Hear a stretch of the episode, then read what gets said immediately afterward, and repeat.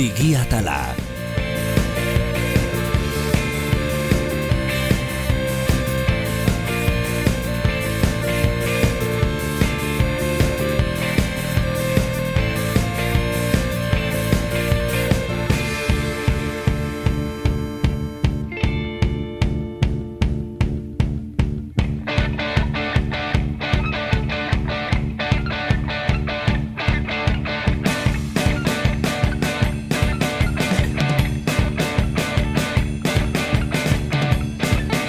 Maite goñi, Jose Rojas, egun on bioi. Eguno. Eguno. Zer moduz? Desitzen oraintxe Bai. bertan. Bai, fresko, Bai. fresko gaur, eh? Bueno, beraz gustora sartu zarete gurera. Bai, ez, bai. Bueno, gu gaude bideokonferentzia baterako prest. Bai. Orduan hori esan nahi dezu, ezta? Hori da, Pixka bat. etorri zarete oi bezala zuen galarik onenak jantzita, ezta? Bueno, onenak. Hori bezala pijaman. Aizu? Jose, Bai, ez da aprobetsatzen izango. dugu, nik eh, igandetan enaiz ez da horraztu egiten. Beraz, eh, baina zer da, pijama, pijama marraduna, edo da pijama eh, Japoniako moda enpresa horrek atera duena bezalakoa? Bueno, oso nada, ez? Japoniako enpresa batek atera duna, bueno, Aoki, gaina Euskalduna ematen du, ez? Aoki. Bai, Aoki da enpresaren izena. Eta bueno, badakizu pandemia garaian eta denetarik ikusi dugula, eta hauek atera dituzte, ba, bueno, da, gainera e, e, trajeak eta egiten dituen enpresa bada, eta erzikla, bertziklatu egin da pixka bat, eta pijamak egin ditu, eta ez dakizu zenolako e, ze eleganteak dien, hori bai, erosoak eta bar, baino bideokonferentzia baterako, ba, ba, beste modalitate bat edo egin dute, ez? Ba, hauek eh, eh, nonbait euren negozio nagusia da, hori da, em, eh, kostu txikiko lanerako trajeak eta egitea, eta nonbait aurten, ba, egondan eh, bideokonferentzien tema honekin da distantziakin eta eh, diru pilo bat galdu dute, eta esan dute, bueno, hemen zer egin dezakegu negozioa berrasmatzeko, ez? Eta hori, atera dute pijama bilduma bat, e, superdotoreak, e, hola, ba, adibidez da, da, ikusi dutelako puntuzko jaka moduko Bai, bai, bai, batzuk, bai. super- ikusten da oso erosoak direla, eta hor, etxera, e, etxean ibiltzeko modukoak, baina gero, Ja. kamara aurrean jarri behar zarenean, itxuroso, itxuroso. Ja, ez- emateko. beste goza bada usaina eta horrelako gauzak. Bueno, No, aizu, eh, erosi bizpairu eta joan. eta Juan aldatzen, edo Juan, e, Ja, zara baina orduan aldatzen baldin bazara, ja kasiko be pijama ez janztea, ez? Ja, Aldatzen hasi behar baduzu, kasiko be alkondara txukun bai janztea. eh, nik pentsatzen dut, bira, hoiek gero pena emango duela ze, nahiko txukunak die. Ordu nik betikoa da, pentsatzen dut ora joateko beste zerbait erabiliko duzula, eta pijama antzeko horiek, ba, bideokonferentzietarako edo Ah, vale. ze, nik izugarrizko pena emango liake horrekin, edo nik behintzat ikusi dudan horrekin oera joatea. Baina, ba, bueno, badakigu homeware edo deitzen zaiun horren industria homeware dala etxeko erropak, hola, esan, euskeraz esan da, ba, e, izugarrizko arrakasta, e, startup, bueno, barrengo dezu, Bai. baina startup mordo bat, hasi da, ba, outfit edo deitzen zaion hori, baina etxerako egokitzen. In, infit, ez? Ba, Infit, infit, hori infit, da, infit homeware. infit, Homeware infit. Eta ni hor saltxatzen egon naiz e, webgune batzuetan eta horrela eta ja, ba, gomendiak ematen dituzte, ba, bideokonferentzia baten ba, badakigu, ez, asko egin ditugu pandemia garaian, ba, nola jarri kamera aurrean, nola begiratu, e, argiak nola piztu, nola enfokea egin eta horrelako kontuak, baino erropari dagokionean, ba, pastel koloreak omen dira. E, bai, bai, bai, osea, da hau eginda horren inguruko, baino literatura pila bat, pastel koloreak oso atseginak omen dira, ba, beste kamararen beste aldean dagoenarentzat. Orduan, ni beltzez joaten naizela beti, ba, ez dakit. Beltz, pastelik, ez da, ez da. Ez pastel ez ez? Ja. Eta, ba, bueno, Eh, Ni hor, eh, konturatu naiz bai, eh, eh, tele edo bideokonferentzien gai honen inguruan, eh, tonto-tonto sortzen ari dala aurten eh, eh, merkatu edo ekonomia txiki bat eh, horren inguruan, ez? Eh, eh, Uste dut hemen komentatu genuela bere garaian, enpresa bat eh, sortu, bueno, ez dakit enpresa sortu edo produktu berri, produktu sorta berri bat sortu dena,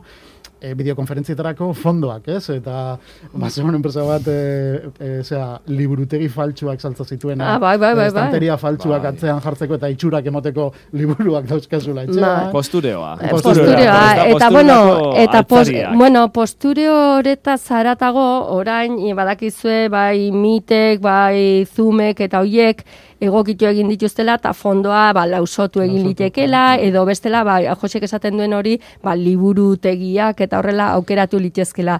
Eta hezkuntzari begira, ba, bueno, horrelako detaileak nahiko garrantzitsuak izan litezke, ba, ez ikusteko ba, beste aldean, ba, diferentzia handiak daude etxeetan eta bar, ba, bueno, berdintasun horren izenean, edo, e, ba, esaten dute ba, e, ba, normalizatuta egon beharko Bai. litzatekela ere ba, fondoaren ba, kontutxo hori. Ez da, askotan parre egiten diogula, baino e, denak ez gaudela egoera berberean. Eta, Bai, orduan- askotan erakusten duela, atzealdeak erakusten duela, Bai. erakutsi beharko lukeena, baino gehiago behar bada, ez da, edo nahiko genukeena, baino gehiago. Aizue, e, pijama jantzita etorri zarete Bilboko estudiora, e, traje itxurako pijama, orain Japoniako enpresa horrek atera duena, eta gero, pijama hori gordetzeko, ezin aproposagoa izango da, Samsung etxeak atera duen armairu berria, ze bai, bai, ja, iritsi da, iritsi Bai. da, arropa desinfektatu eta garbi-garbi mantentzen duen armairu bat, eta guk ezer egin gabe, txukun-txukun mantentzen duen armairu bat, ez da? Bueno, eta norbaitek e, entzulek edo ikusi nahi balin badute zertaz ari garen, e, ipini Samsung eta Airdresser, e, inglesezko Airdresser hori dress soineko eserekin. hori da, bi eserekin, eta bueno, egiten duna da, desinfektatu da, armare, armairu itxurako, bueno, armairu bat, baino, da, ozgailu antzeko Bai, zerbait, ez? eta hozgailu bai, ozgailu bai. bat izango balitz bezala, hori logelan, suposatzen da logelan, edo, bueno, nahi dezuntukean, Bai, ipin horiek, dezakezula. eh, promo argazkietan sukaldean eta jartzen. Hori da. Aizu, eske, askotan Bai. gertatzen delako, ez? Bai. Ez zuei gertatuko zaizu, ez, seguru. Ez, gutxitan erabiltzen duzuen arropa armairuan sartu, Bai. eta gero ja urrengoan ateratzen duzuenean duela egundoko lizun usaina. Bai. Zaizu gertatzen? Bueno, gero dago... Nik uste dut etxerik honenetan ere gertatzen dela hori. Gero Hori dago toki guztietan. aulkiko arroparen dilema, ezta? Ze puntutan da. ez, alkandora behin erabili duzuna tal, bueno, eh, armairuan sartu edo izkinako da. horretan bota, eta Bas, noiz arte geratzen. bueno, da, suposatzen da pandemia gara hauetan, Bai. ba, dena desinfektatu egin behar dela, eta bar, eta orduan, ba, bueno, itzeiten ari garan airdresser honetan, gainera, bueno, egiten duna da, dena desinfektatuta horrela, Bai. eta probatzen ari dira baita zuk esaten dezun hori gorka, baino e, beste, e, nola die, ai, etzaitateatzen, er, e, ai, beroki hoiek dienak, larruzkok, ez Ah, zitzaizka, larruzkoak, bai. larruzkoak ez zitzaidan ateatzen. Ba, hoiek badakizu nola askotan eh, sartzen dira eta urte batetik Bai, hoiek bestera bai eta hoiek bai gaina bai. usaina eta gaina ge- nahiko gaizki geratzen dira, igual agian ez baituzu ondo zaintzen, ba, e, ematen du, ba, gai honek ere hoietarako tratamendu berezi bat ensaiatzen ari direla, E- eta e, bar. Hemen e, e, Samsungei buruz hitz egiten ari gara, baina behingoagatik esango dugu e, bere gara, ez dala mota honetako lehenengo asmakizuna, eta fagorrek bere momentuan duela hamar bat urte atera zuela dryron deitzen zan Mm. aparailu bat, zala e, hain zuzen ere, gauza bera, oskailu baten tamainako Mhm. e, kutxo bat, kutxa bat, e, arropa barruan sartu eta egiten zuena zikatu eta lizatu. Berak bakarri. Bai, bai, bai, bai, bai, bai. Oi, oi, Eta hori, guain dela, bai, bai, bai. Hori, bai. behar du. Bai, bai, bai. Herriak behar du. Esango hor nuke. baten, eta ja, ez dakiz ze programa jartzen zan, da hor aire beroarekin, da ez dakiz zer, eta ateratzen Ba, zen arropa ja, Bai, eta gainera, esan nahi dut, teknologiari dagokionez, ba, bueno, pandemia honekin, ba, e, gauza asko garatu dira, ez da, ba, tunel horiek ere, e, ba, pertsona sartzen dena, eta ba, e, dendatan da sartzeko, ez, hasieran sarreretan, edo alfombra horiek, edo desinfektatzeko, eta barrez, baina, bueno, e, ikusi dut ikerketa batean, ere, i, antzeman dela askotan, aeroportutan eta horrela egin dute ikerketa, bueno, e, unibertsitate konkretu batean egin dute ikerketa bat, eta esaten zuten, e, aeroportuko komunetan ez, askoz ere bakteria eta horrelako virus eta horrelako asko ez gehiago daudela, ba, e, jangeletako ba, bandejetan eta errateietan eta bai, bai, bai, Ai, bai. Asko ez gehiago, eta horretarako gero, horren ikerketa horren ondorioz ere, ba, olako zea bat, e, gailu bat egin dute desinfektatzeko hiek eta bai, horrelako. Samsungek berak atera du bai, ze e, beste elementu bat oso oso oso zikina eta danok aldean eramaten duguna mm, Mugikorra. Bai. Eta Samsungek ere atera, atera, atera du, Asian bentza saltzen du, lako kutsa txiki bat, mobila barruan sartu eta ultra Ah, bai. amore izpiekin eta Bai. e, desinfektatu egiten da. Bai, azkenean, bueno, egora berri honek e, e, zentzurretan gauza be, berri pilo batek erra ditu. Eta bai, arropana komentatzen ari garena, ba, hombre, igual kaleko edo zeinentzat ez da gauza bat bereziki Mhm. beharrezkoa dana, baina, bueno, pentsatzen ari naiz, pues hori, osasun gintzan lan Bai, egiten duen bai. ez? Edo zaharretxetan eh, lan egiten Mhm. duten entzako, eta bar, bai, izan daiteke Oso, oso gauza praktikoa. Bai, bai, Bai. Eta lan handia aurreztu dezakeen eh, elementu horietako bat. Ari nintzen pentsatzen behar bada beharko genukeela desinfektagailu bat irratiko mikrofonoentzat. Ezta pandemia garai honetan guk hemen eh, irratiko estudiotan bagenituen lehen antipopin deitzen zaien eh, telatxo gorriak, Ah, bai, bai. horiek kendu egin dizkiegu, ze tela horietan geratzen ziren gure listu eta baba eta jariakin guztia geratzen ziren bertan bakterioak barne. Ez dut pentsatu egin garai batean estudiotan erretzen zenean eh, zer izan behar zuen horrek, Bueno. ze fauna eta flora egon behar zuen. eh, Mikrofonoetan. telatxo horietan, baina beharko genuke horrelako zerbait, ez, mikrofonoak ere desinfektatzeko behar bada, eh, hor egon daiteke urrengo asmakizuna, ze irratiak bizirik jarraituko du, naiz eta askotan hil duten, irratiak bizirik jarraituko du, eta gainera eh, formatu berrietan.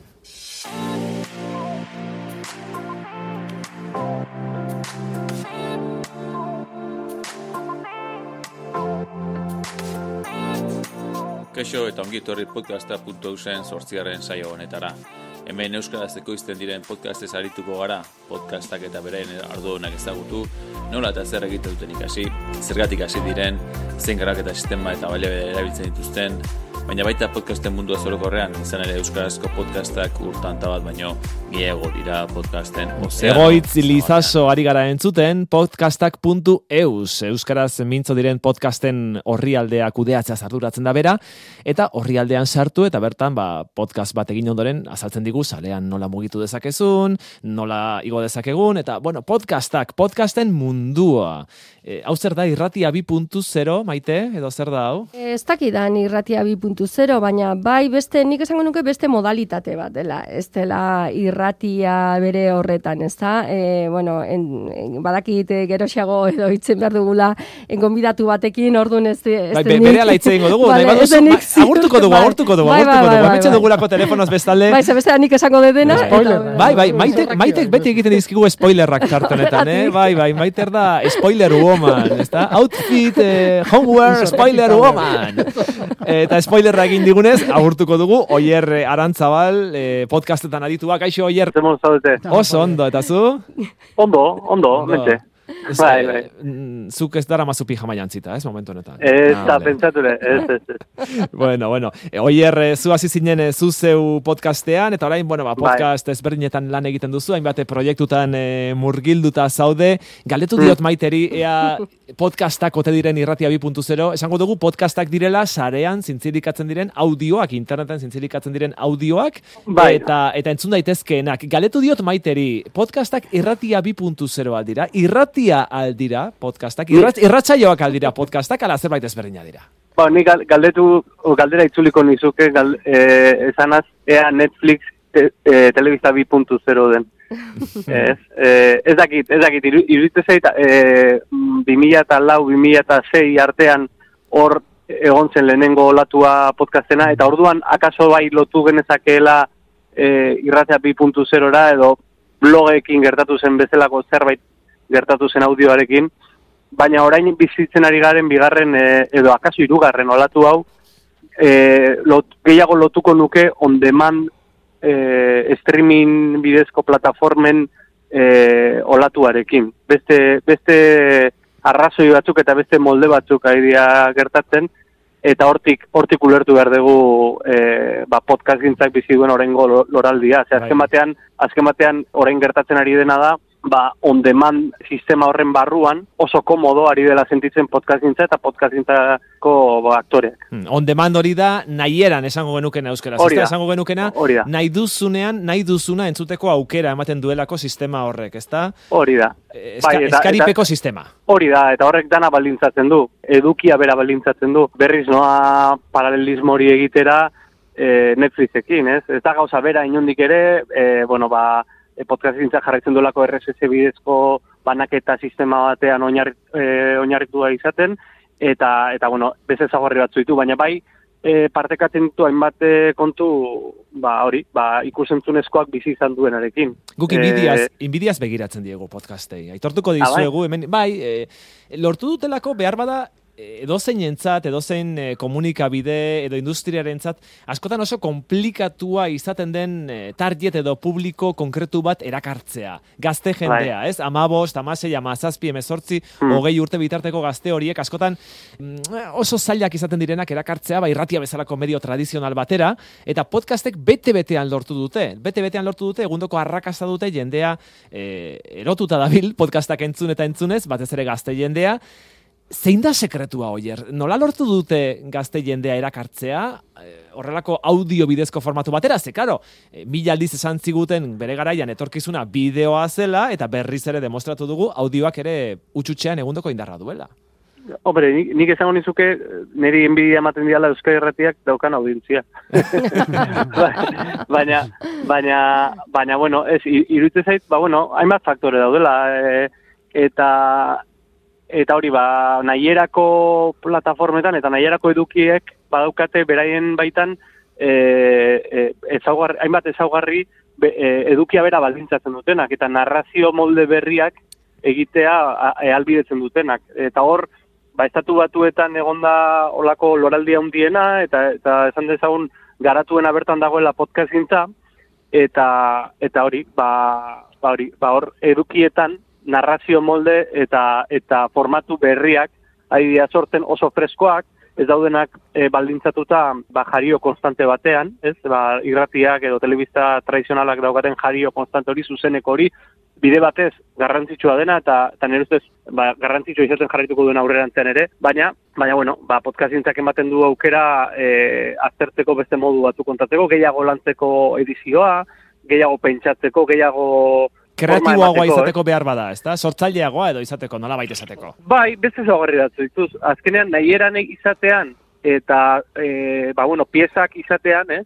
Seriatuak ala seriatu gabeak, ba aukera ematen du pentsatzeko nola nola nahi duzun kontatu zerbait, ez? Ez da hainbeste ez dago hainbeste presa, ez dago hainbeste, osea, denbora ez duzu lotu behar, ba ordu erdira, ez? Ja, egin, be, egin dezakezula saio bat eh, podcast baterako bost minutukoa, eta beste bat amabostekoa, beste bat hogeita bikoa, ez? Hori da. Askatasunez, ez? Erabateko askatasuna audioarekin nahi duzuna egiteko. E, aipatu duzu Bai. eh, formatu berriak zabaldu direla, kontakerak Hmm. egiteko, narrazio teknika berriak, eh, tematika berriak ere bai. Ez dakit adibide Bai. batzuk ekartzerik baduzun. Estatu batuetan dagoen podcast sukar horren eh, adibide batzuk eh, guk ikustezagun eh, zertaz ari Bai. garen.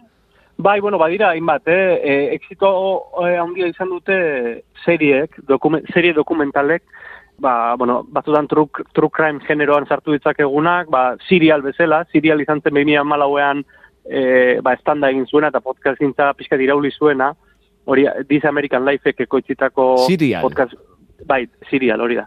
Eta gero badira hainbat, eh, bueno, bater, bateren bat fikziozkoa, gero gainera ikusentzunezko bihurtu du- dutena, Amazonek erosi zuen adibidez eh, Homecoming, Gimletek ekoitzitako podcast bat, serie bat, eh, ikusentzunezkoa, eta eh, Julia Robertsek eh, protagonizatuta egin zuten eh, ba, ikusentzunezko bersioa.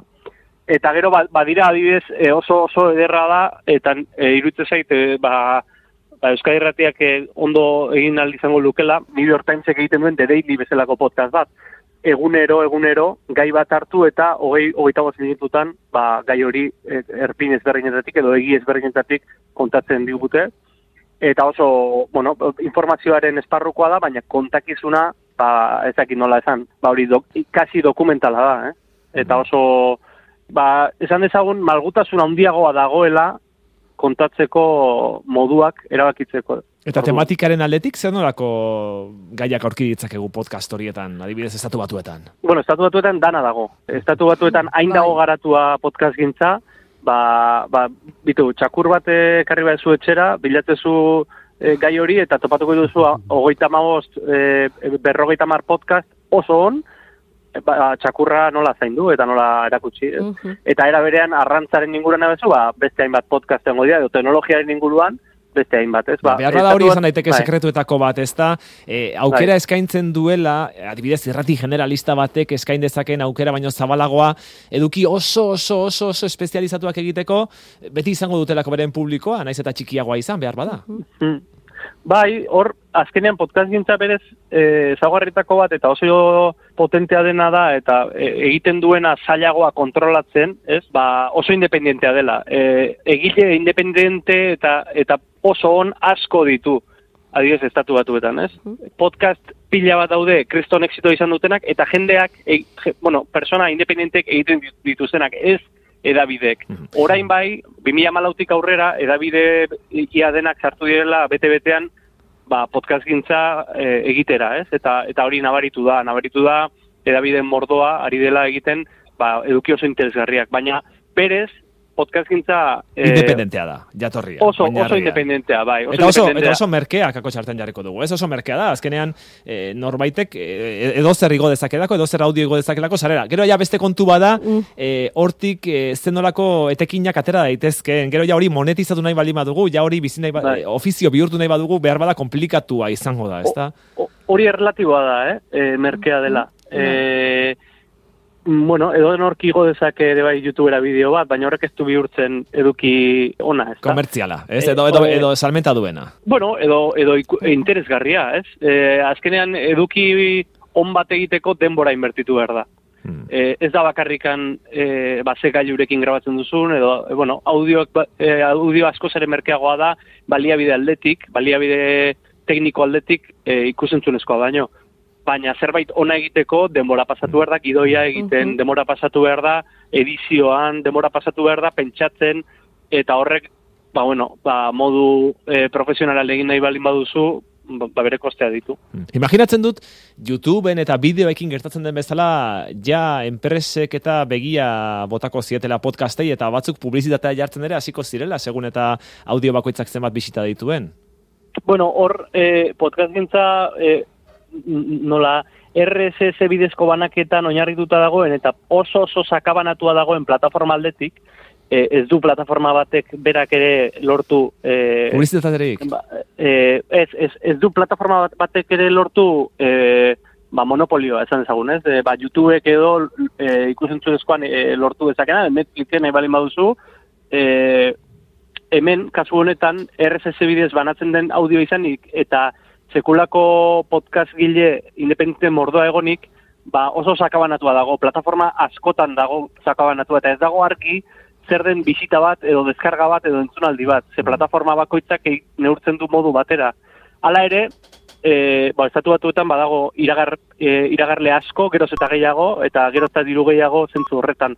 Hemen orain garatu gabe dagoen industria bada. Hemen diote Euskal Herrian, e, Frantzia Estatuan edo Espainia Estatuan garatu gabe dagoen industria bada, baina, bueno, zantzu batzuk badaude pentsatzeko, ba, ba pixkanaka hasiko dela. Eh? Mm. Oier, eh, aipatzen zenuen, Euskal Herrian bai. behar bada ez dagoela ingaratua podcast industria hori, Ez dakit, munduan jende asko dago podcastak egitetik bizi dena, edo bizi daitekeena, ze aipatu duzu publizitatea behar bada, mm, ez dela hain, eh, hainbeste sartu mundu horretan, eh, hmm. badago podcastak egitetik bizi den jendea? Bueno, estatu batuetan mordoa, eh? E, estatu batuetan mordoa, ze hori, esan duen bezala, badago industria bat, garatua, ba, e, potentzial bat, e, eta iragarle asko e, daude. Eta zentzu horretan, ba, ezatu batuetan akaso erresagoa da, e, bueno, erresagoa komia tartean beti, eh? Hmm. Eta, eta hemen, ba, bueno, ba, ikusi berko da, azkenean e, erabidek apustu iten balin badute podcast gintzaren alde, ba, hor industria bat sortuko da, eta pixkanaka, e,